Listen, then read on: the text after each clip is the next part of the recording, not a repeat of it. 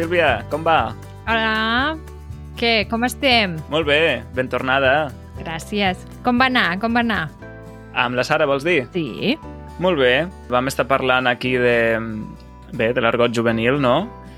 I de les paraules que fem servir els joves millennials, que som nosaltres, i els centennials, les generacions Y i Z. I nosaltres quines som? Nosaltres som millennials, la Y. Ah, nosaltres Y. D'acord? Sí. Molt bé. Sí, sí. Després ve la Z i, i, i després ja no sé quina ve, perquè l'abecedari ja s'acaba. La fi, la fi. L'apocalipsi. No, és broma, és broma. Sí, sí. I bé, doncs va estar bé perquè la Sara, com que és la nostra filòloga de guàrdia, no? doncs, doncs va venir aquí a parlar de paraules altre cop. Molt I bé, ens ho vam passar bé, va ser una estona entretinguda. Genial. I, I, per cert, Sílvia, tu quines paraules fas servir en el teu dia a dia així col·loquials? No ho sé. Um, faig servir molt guai. Diria que no és correcte, no?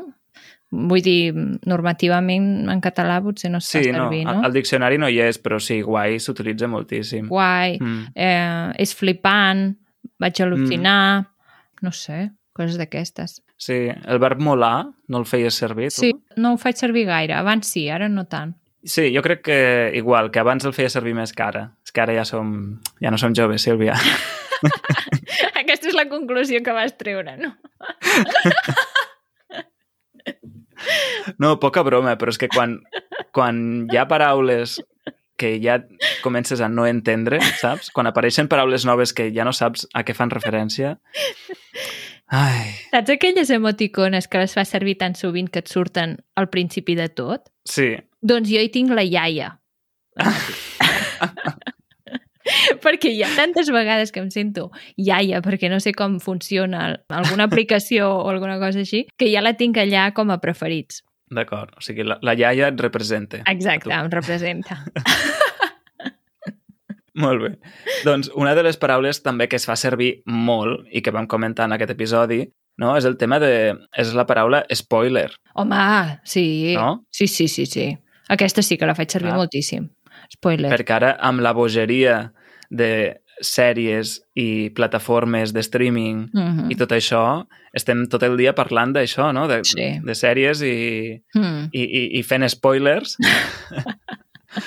I, I sí, sí, és una paraula que l'utilitzem tant que ja la tenim adaptada ortogràficament Clar. no? i l'escrivim amb E inicial, o sigui, E-S-P-O amb accent obert Ah, mira. i L-E-R. Exacte. Ah. Sí, sí, ja la tenim adaptadeta. El tema del dia. I bé, doncs, eh, parlant de spoilers, avui volíem parlar de sèries catalanes, sense fer-vos spoiler, òbviament, però sí que volíem dedicar aquest episodi a, a sèries catalanes o fetes en català i que vagin més enllà de dos sèries que s'emporten el protagonisme molt sovint, no? Mm. Que gairebé no cal ni esmentar-les, però, però quines són, Sílvia? Que segur que ja saps a quines em refereixo. Plats bruts, aquesta segur. Sí? I, Mhm. I Merlí, que és la nova d'ara, no? Sí, exacte. Molt breument, Plats Bruts va ser la primera sitcom catalana, no? que va de dos companys de pis, un és actor, l'altre és... Um, què era el López? doncs era locutor de ràdio. Ah, locutor de ràdio, exacte. Són el David i el López, un és estudiant per actor i l'altre locutor de ràdio, i són molt diferents, conviuen amb una noia que viu en una caseta de fusta, en el mateix edifici, i bé, és una sèrie molt divertida, ja té molts anys, Sí. però l'hem vist tots, o Sí. sigui, no sé, crec que no conec ningú d'aquí que no l'hagi vist, perquè la reemeten anualment. I quan la tornen a fer la mirem sempre, vull dir, Exacte. almenys a casa meva. Sí, sí, a casa meva també. I l'altra, Merlí, la majoria de vosaltres la coneixeu, penso, perquè ja n'hem parlat, s'ha fet famosa mundialment, Mm. és molt bona, i si no l'heu vist, feu-ho ja. Llavors, per anar més enllà de Merlí i Plats Bruts, Sílvia, hi ha alguna sèrie que hagis vist diverses vegades? Diria que la única que he vist diverses vegades i que passa el mateix que Plats Bruts, vull dir que quan la tornen a posar la tornem a mirar, mm, diria Mhm. que és Dinamita. Ah, Dinamita. Sí. Uh, sí, aquesta la vaig veure, però només una vegada. Uh -huh. Doncs és, és un programa, bueno, és una sèrie, un programa d'humor en què fan diferents uh, escenes i tracten temes d'una forma molt curiosa i, i que fa gràcia. Sí. Ah, espera, Dinamita, és que estava pensant en una altra. Dinamita és aquell... Sí, més que una sèrie, era un programa de gags, no? Exacte. O sigui, de, Sí. de sketchos. O sigui, Sí. Eren sketchos Sí. d'humor. Sí, sí, molt divertida aquesta sèrie, Sí. aquest programa. Mm. D'acord. I en el meu cas, jo crec que una sèrie que he vist diverses vegades és Majoria Absoluta. Home, sí, clar. Sí, oi? Sí, sí. Majoria Absoluta és una sèrie d'una família molt nombrosa. crec que eren, era una família de 7 o 16 8. o 17 persones. Però eren 7 o 8 fills, no? Sí, però llavors hi havia el, el majordom Sí. i la dona, Sí. El fill del- d'ells dos. sí, que es deia Còstia, no? Sí, és veritat. Uau, Sí. quina memòria. Sí, m'ha vingut ara.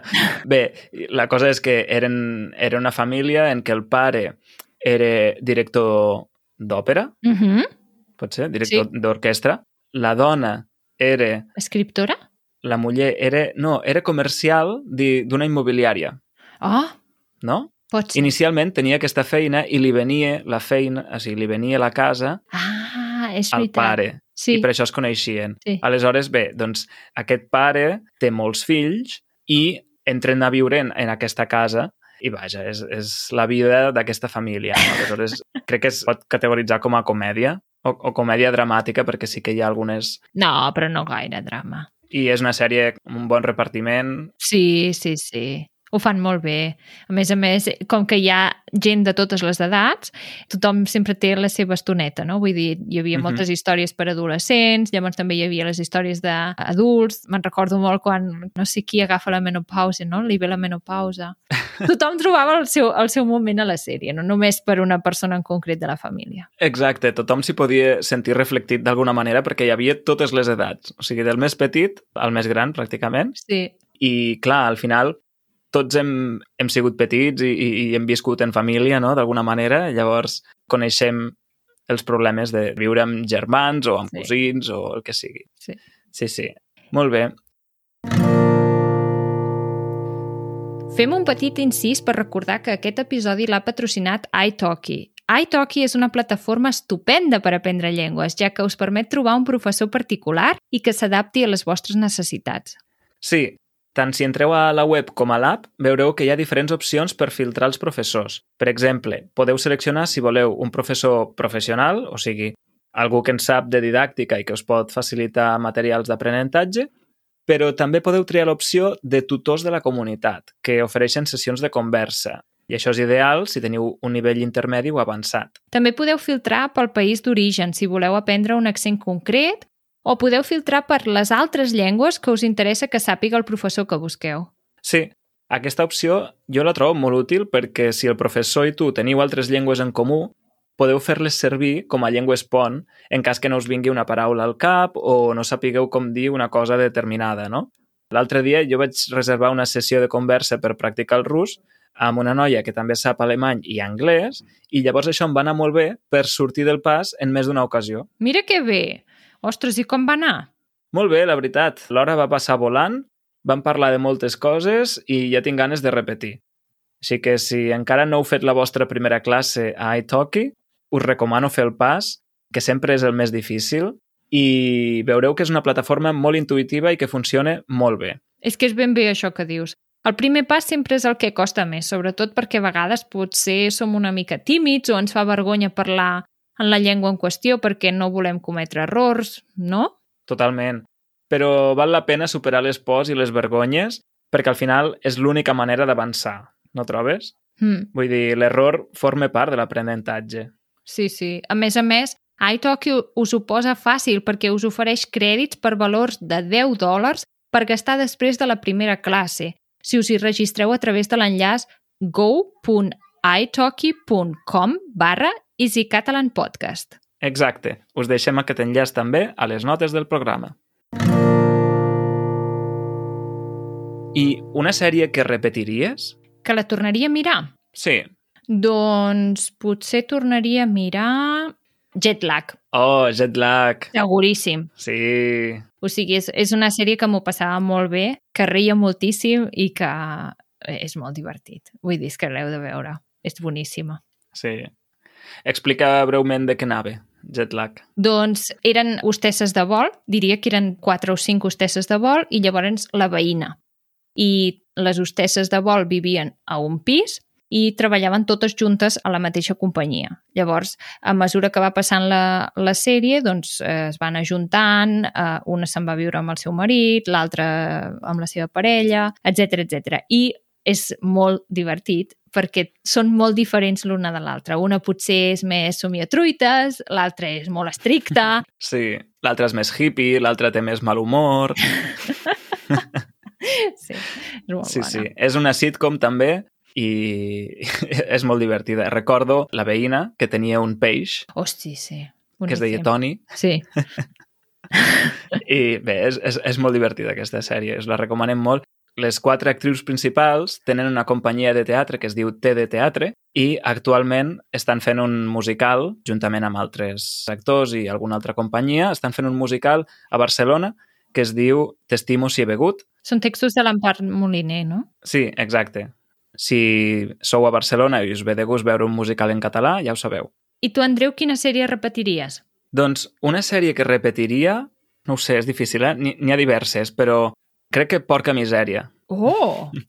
La coneixes? L'has vist? Sí, sí, sí. Sí, no? Porca Misèria és una comèdia dramàtica, podríem dir, d'una parella en què ella és científica i ell és guionista d'un programa de televisió en què la, la conductora d'aquest programa és una dona molt autoritària i ell té poc caràcter, diguem, no? És, és, té un caràcter tou Mm. i és molt indecís, insegur... I bé, doncs és, és també molt divertida i aleshores hi ha altres personatges, per exemple, hi ha un amic d'aquesta parella que viu en un, en un vaixell al port de Barcelona, hi ha una altra amiga que és traductora en una empresa multinacional, no? I, no sé, recordo aquest personatge amb especial tendresa, no sé. Sí. Suposo que, que em va marcar d'alguna manera, potser ja tenia una mica de vocació Potser sí. de traductor, però sí. No sé, em va cridar l'atenció aquest personatge perquè sabia diferents idiomes, no? Parlava japonès, parlava anglès, òbviament, alemany... Bé, i en fi, és una sèrie també molt bona. Doncs en aquesta sèrie tenen una mascota, un animal domèstic, que és un porc vietnamita. I a partir de que hi va haver la sèrie, molta gent va agafar els porcs vietnamites com a mascotes, cosa que no passava fins llavors. Sí, que després resulta, hi havia com el mite urbà que els porcs vietnamites no creixen, o sigui, que són petits, que són petits per sempre, Doncs no. però és mentida. I, de fet, la, la misèria, perquè d'aquí ve el nom de la sèrie, no? La porca es diu misèria. I mm, la misèria era força grossa, És que és el normal. clar. Doncs, mira, aquesta és una sèrie que repetiria perquè em, em va agradar. I una altra sèrie que repetiria, la veritat, és Cites. Ah, sí?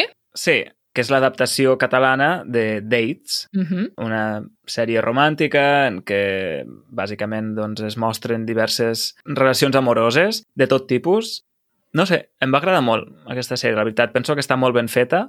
Hi havia històries molt diferents, personatges molt treballats i recordo haver-me emocionat en diversos dels capítols. Ah, veus? Tu l'has vista? Sí, però ara quan has dit lo de cites m'he recordat més d'una altra sèrie que es deia Infidels. Ah, uh -huh. que me'n recordo que quan me la mirava el Joan, si era per allà, deia no et miris aquesta sèrie, no m'agrada gens. I jo, però per què? Jo no l'he vist, o sigui que me l'hauràs d'explicar una mica. Doncs, com diu bé el títol, eren diferents relacions en què normalment hi havia la inf infidelitat per allà al mig. I mm, la sèrie començava amb el casament d'una de les protagonistes de la sèrie i durant el casament es tirava, o sigui, feia l'amor, amb un home que no és el nuvi al lavabo del restaurant on s'estaven casant. Carai. doncs això. A mi, i és que recordo haver vist algun episodi, algun capítol d'aquest- d'aquesta sèrie i no, no em va atrapar, diguem. Potser, potser perquè jo m'ho prenia a broma. A mi em feia gràcia, simplement. Però potser si tu agafes més a pit, no? Com dient, ai, com pot ser? Doncs mm, potser no, no t'ha agradat. Ah, no, jo crec que és que quan hi ha tantes complicacions i, Ah, saps, i tantes infidelitats... Sí. No per les infidelitats, però saps, quan es complica tant, sí, ja no saps on passes. no ho sé, exacte, em perdo una mica i no, no m'interessa tant. D'acord. I hi ha alguna sèrie, Andreu, que et fes plorar molt? Que m'hagi fet plorar? Sí. Sí, una sèrie amb què he plorat és Polseres Vermelles. Home, mítica, sí, sí. Jo també. Sí, que fins i tot n'han fet una adaptació americana. Sí, és una sèrie dramàtica ambientada en un hospital en què, bé, es tracta d'una colla de nois i noies que es coneixen en aquest hospital i passen el dia a dia junts, no? I, doncs, tenen els seus moments de diversió, de joc, també els seus moments més durs, com Sí. a malalts Sí, està molt ben feta perquè el guionista d'aquesta sèrie és una persona que, que ha viscut aquesta realitat i que l'ha viscut moltíssim, perquè s'ha passat molts anys de la seva vida en, un hospital uh -huh. i bona part de la seva infància. Jo amb aquesta també vaig plorar molt. Sí. Em sembla que és amb la que he plorat més. Però us la recomanem molt. És a dir, és una sèrie en part trista, però té moments molt bonics i també cançons molt boniques. Recordo alguna cançó de la sèrie que em va agradar. I hi ha cap sèrie que t'hagi fet plorar, però de riure? Sí, mm, benvinguts a la família. Ah, No l'has vist? sí, l'he vist. Sí, doncs mira, és que jo aquesta sèrie la vaig començar a veure especialment per una actriu que treballa a la sèrie, que és la que, la que em fa riure sempre més, que és la Yolanda Ramos. Sí, És que em trinxo, de veritat, és que és em boníssima. fa, em fa partir de boníssima. riure. Vull dir, és que jo només vaig començar a veure la sèrie perquè hi sortia ella. I sé que sempre que fa alguna cosa és que em fa molt riure i, i efectivament és que m'ho vaig passar superbé aquesta sèrie. És una sèrie fàcil, eh, jo crec que és per a tots els públics, que entre bé, rius fàcilment amb aquesta sèrie, és una comèdia. I mm, hi ha moments molt molt kafkians no, en aquesta sèrie. És molt surrealista, és molt surrealista. Sí, sí, sí. I em penso que va ser, potser m'equivoco, però crec que va ser la primera sèrie en català a Netflix. Ah, sí? No ho sabia, això. Benvinguts a la família. Sí, Pot ser. sí, sí, sí. I, Andreu, alguna sèrie que t'hagi marcat especialment? que m'hagi marcat especialment, a veure, hi ha una sèrie més de caràcter històric, potser no? una sèrie d'època, que es diu Temps de silenci. Ui, sí. Aquesta també crec que l'hem vist la majoria de nosaltres, Sí. que està ambientada en la Barcelona de abans, durant i després de la Guerra Civil. Mm. I bé, en el centre de la història hi ha una família burgesa o aburgesada Mm.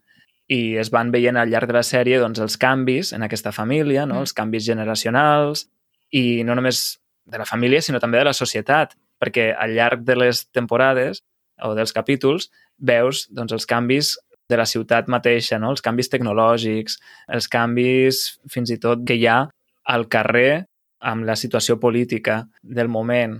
Sí. I, no sé, és una sèrie que em va agradar molt quan la vaig veure, crec que l'he vist un parell de cops, i crec que us pot servir per entendre una mica més el passat de Catalunya, sobretot doncs, de la segona meitat del segle passat. I a més a més, lingüísticament, crec que també és interessant perquè el model de llengua està adaptat a, a les hores, no? O sigui, Mm. no, no hi sentireu paraules doncs, com les que comentàvem al principi Clar. de l'argot juvenil actual, sentireu un català una mica menys actual. Però era més aviat també com una telenovela, no? Vull dir, hi havia com El cor de la ciutat o Vent del Pla, per exemple, vull dir que hi havia una sèrie de protagonistes que tenien una sèrie de problemes i, i eren els típics de les telenovel·les. Sí, però no ben bé, perquè Vent del Pla i El cor de la ciutat eren serials d'aquests de cada tarda un capítol. Sí, Però, en canvi, en, eh, a Temps de silenci, d'un capítol a l'altre hi havia, o sigui, un salt en el temps a vegades important. ah, doncs això no me'n recordo, mira. Saps? Vull dir, Vent del Pla, La Riera, El cor de la ciutat són la sèrie de les tardes. Sí, Però Temps de silenci no té tants capítols. Em sembla que El cor de la ciutat va arribar als... Al, quants capítols tenia? Mil? Mil i escaig? ui, jo què sé. Me'n recordo quan començaven, Sí. sí. 1248, i jo, mare meva. Sí, sí, sí. Nou temporades, 1906 episodis. No van arribar als 2000, tu, es van quedar al 1906. Per poc. I aquesta sèrie també és mítica com a sèrie d'aquestes de, de les tardes, eh? I amb aquesta sèrie va passar una cosa curiosa, que és que a mitja sèrie, no, Oh, sé, sí. no recordo la temporada, van canviar l'actor que feia de protagonista. Van canviar el David. I, i, i això no va agradar gaire. a que no? No, no gaire. En fi, doncs sí, jo diria Temps de silenci com a sèrie que m'hagi marcat o que la recordi especialment, sí. Mm -hmm. I tu? Doncs jo en tinc dues que, que són bastant diferents l'una de l'altra i que, que crec que em van marcar. Una és La memòria dels cargols. Ah, La Mhm. miràvem quan era petita a casa i era una sèrie que em feia entremig de por i gràcia. perquè era tan petita i ho feien tan tard i tot eren escenes tan estranyes per mi que moltes vegades no sabia molt bé què, què passava o què no passava, perquè era bastant petita quan la feien. uh -huh. Però la veritat és que és boníssima la sèrie, o sigui, ja sense ser petita, i Mhm. té escenes molt gracioses. El capellà de la, de la sèrie és boníssim, o sigui, fa molta gràcia. Hi ha un, un capítol, que no sé si l'has vist, Andreu, però que és quan ha de venir, el, com si diguéssim, el bisbe de Madrid, Uh -huh. i en el poble sempre es parla català, no es parla en castellà, i llavors el capellà els hi fa com una classe ràpida a tots els habitants de com s'ha de parlar en castellà. I els hi diu, per exemple, que on hi hagi una F, doncs en castellà és una H i no sona. Uh -huh. Per tant, si tu dius farina, doncs en castellà li treus la F i és harina. Sí. I és un tros boníssim. O sigui, aquest tros és boníssim. Ai, doncs crec que aquesta seria una sèrie per tornar a mirar. Sí, que aquesta sí. l'hauria de tornar a mirar jo. I, bona. si no recordo malament, és una sèrie que repasse la història dels catalans Sí, des de l'inici, o sigui, de, de, des dels no sé si des de la prehistòria, però em penso que no tan, a, tan no, antigament, No, em que no. però vull dir, des de molt antic fins a l'actualitat, bé, de quan es va fer la sèrie, no? Sí, és que és boníssima, de veritat. I a més a més també sempre juguen amb l'humor. Exacte. I l'altra sèrie que volia comentar és una que es diu Pop Ràpid, que aquesta és molt més actual i la vaig veure fa, fa molts pocs anys, potser fa 3 o 4 anys, Uh -huh. que la podeu trobar a internet i que són uns, uns episodis molt curts i, i els podeu mirar molt fàcilment, us, us mirareu tota la sèrie sencera. I són una colla d'amics joves que conviuen gairebé plegats i sempre van, es troben a un bar, no? I, i són històries que els hi passen i tot. Ai, doncs hi ha una altra sèrie que vull comentar, tant sí com no, que és una de les que més m'han agradat que he vist últimament, tot i que ara ja fa potser un parell d'anys o més que, que la vaig veure, però es diu Nit i Dia. Mm. Nit i Dia és una sèrie criminal en què la protagonista és una metge forense. O sigui, és, és la persona que investiga els cossos, els cadàvers de, dels crims que es cometen Mm -hmm. i, doncs, bé, eh, bona part de les trames tenen lloc en els jutjats o en la sala de disseccions, també en, els, en el lloc dels crims, però també en l'àmbit privat, eh, en el sentit que et mostren, doncs, també, evidentment, com a protagonista, la seva vida personal, no? I la recomano perquè les trames estan molt ben fetes, l'actriu, la Clara Segura, ho fa de manera espectacular, però espectacular, o sigui, ho fa molt bé, i la sèrie millora d'una temporada a l'altra, o sigui, la primera és molt bona, però és que la segona encara més, està molt ben feta, de debò que val la pena. I una altra sèrie, també de crims, és Kubala, Moreno i Manchón. Mm -hmm. Aquesta també em va agradar i en aquest cas són tres detectius privats que treballen doncs, en un despatx, en una agència de, de detectius pròpia.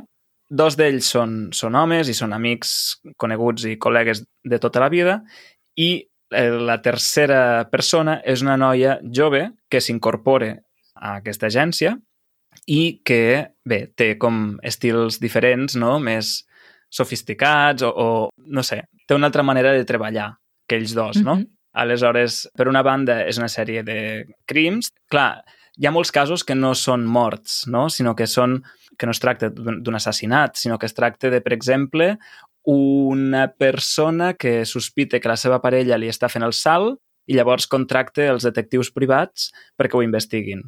Ja. Coses així. Mm -hmm. I és, és molt divertida, també. És divertida i alhora, doncs, bé, té un punt potser una mica dramàtic. No sé, des del meu punt de vista està molt ben feta i també us la recomano. Andreu, i, i tu saps si hi ha alguna sèrie així que hagin fet a Punt o a IB3 o alguna sèrie així com en valencià o balear? Ah, doncs mira, en valencià ara no te'n sabria dir cap perquè la veritat és que no... Sé que n'hi ha algunes que han llançat últimament, però no les he vist. Una que sí que he vist, d'IB3, és a dir, del, del canal públic balear, és Mai neva a ciutat. Oh. És també una comèdia dramàtica en què els protagonistes són tres amics, tots tres graduats en filologia catalana, però que després, un cop van acabar els estudis, doncs s'han acabat dedicant a coses diferents, no? Una d'elles mm -hmm. se'n va anar a Londres a treballar durant uns anys i llavors la sèrie comença en el moment en què ella torne de Londres, no? Ah. I torne a casa els pares i s'ha d'adaptar un altre cop a la rutina, buscar feina, etc etc quan ja té, doncs, 30 anys, no? Que és gairebé l'edat que tenim nosaltres. Aleshores es troba com mm -hmm. en una crisi existencial d'haver de d'adaptar-se un altre cop a una nova vida i els seus amics, d'alguna manera, també han de fer alguns canvis, no? I bé, és molt divertida i, a més a més, té aquest plus, no?, que és que està feta en català de les illes, llavors pots sentir el, el seu dialecte, s'entén perfectament i penso que és molt interessant des d'aquest punt de vista perquè us podeu acostumar a sentir altres accents, no? altres, altres maneres de, de parlar català. Ah, doncs mira, molt bé, no, no la coneixia, o sigui que la puc trobar a IB3? Sí, la pots trobar a IB3 a la carta i també es pot trobar a, o, o com a mínim jo la vaig veure a Filmin, que ja us vam recomanar, ah, sí, ja us vam recomanar aquesta uh mhm. -huh. plataforma en l'episodi que vam fer sobre pel·lícules uh mhm. -huh. i òbviament doncs avui us el tornem a recomanar perquè és la plataforma de streaming que té més contingut en català actualment i no només és bona per això, és recomanable per aquest fet, sinó també perquè té molt de cinema independent, s'hi fan molts festivals dintre de la plataforma mateix. Mm -hmm. És una plataforma molt interessant i, vaja, doncs us la recomanem perquè tindreu accés a, a tot de sèries catalanes moltes de les que hem comentat aquí, com ara Pulseres Vermelles, Porca Misèria, Cites, mm. moltes, moltes sèries en català. Temps de silenci també hi és. També segurament les podeu trobar al canal de YouTube de TV3 o a TV3 a la carta. Exacte. Molt bé, doncs, Sílvia, ara saps que tinc ganes de fer. Tornar a mirar alguna sèrie sí. sí, sí, sí. Crec que... Doncs vinga, va. Que ja és hora de mirar algun capítol. Molt bé. Vinga, doncs ho deixem aquí. Que vagi molt bé i fins a la propera. Igualment. Adeu. Adeu.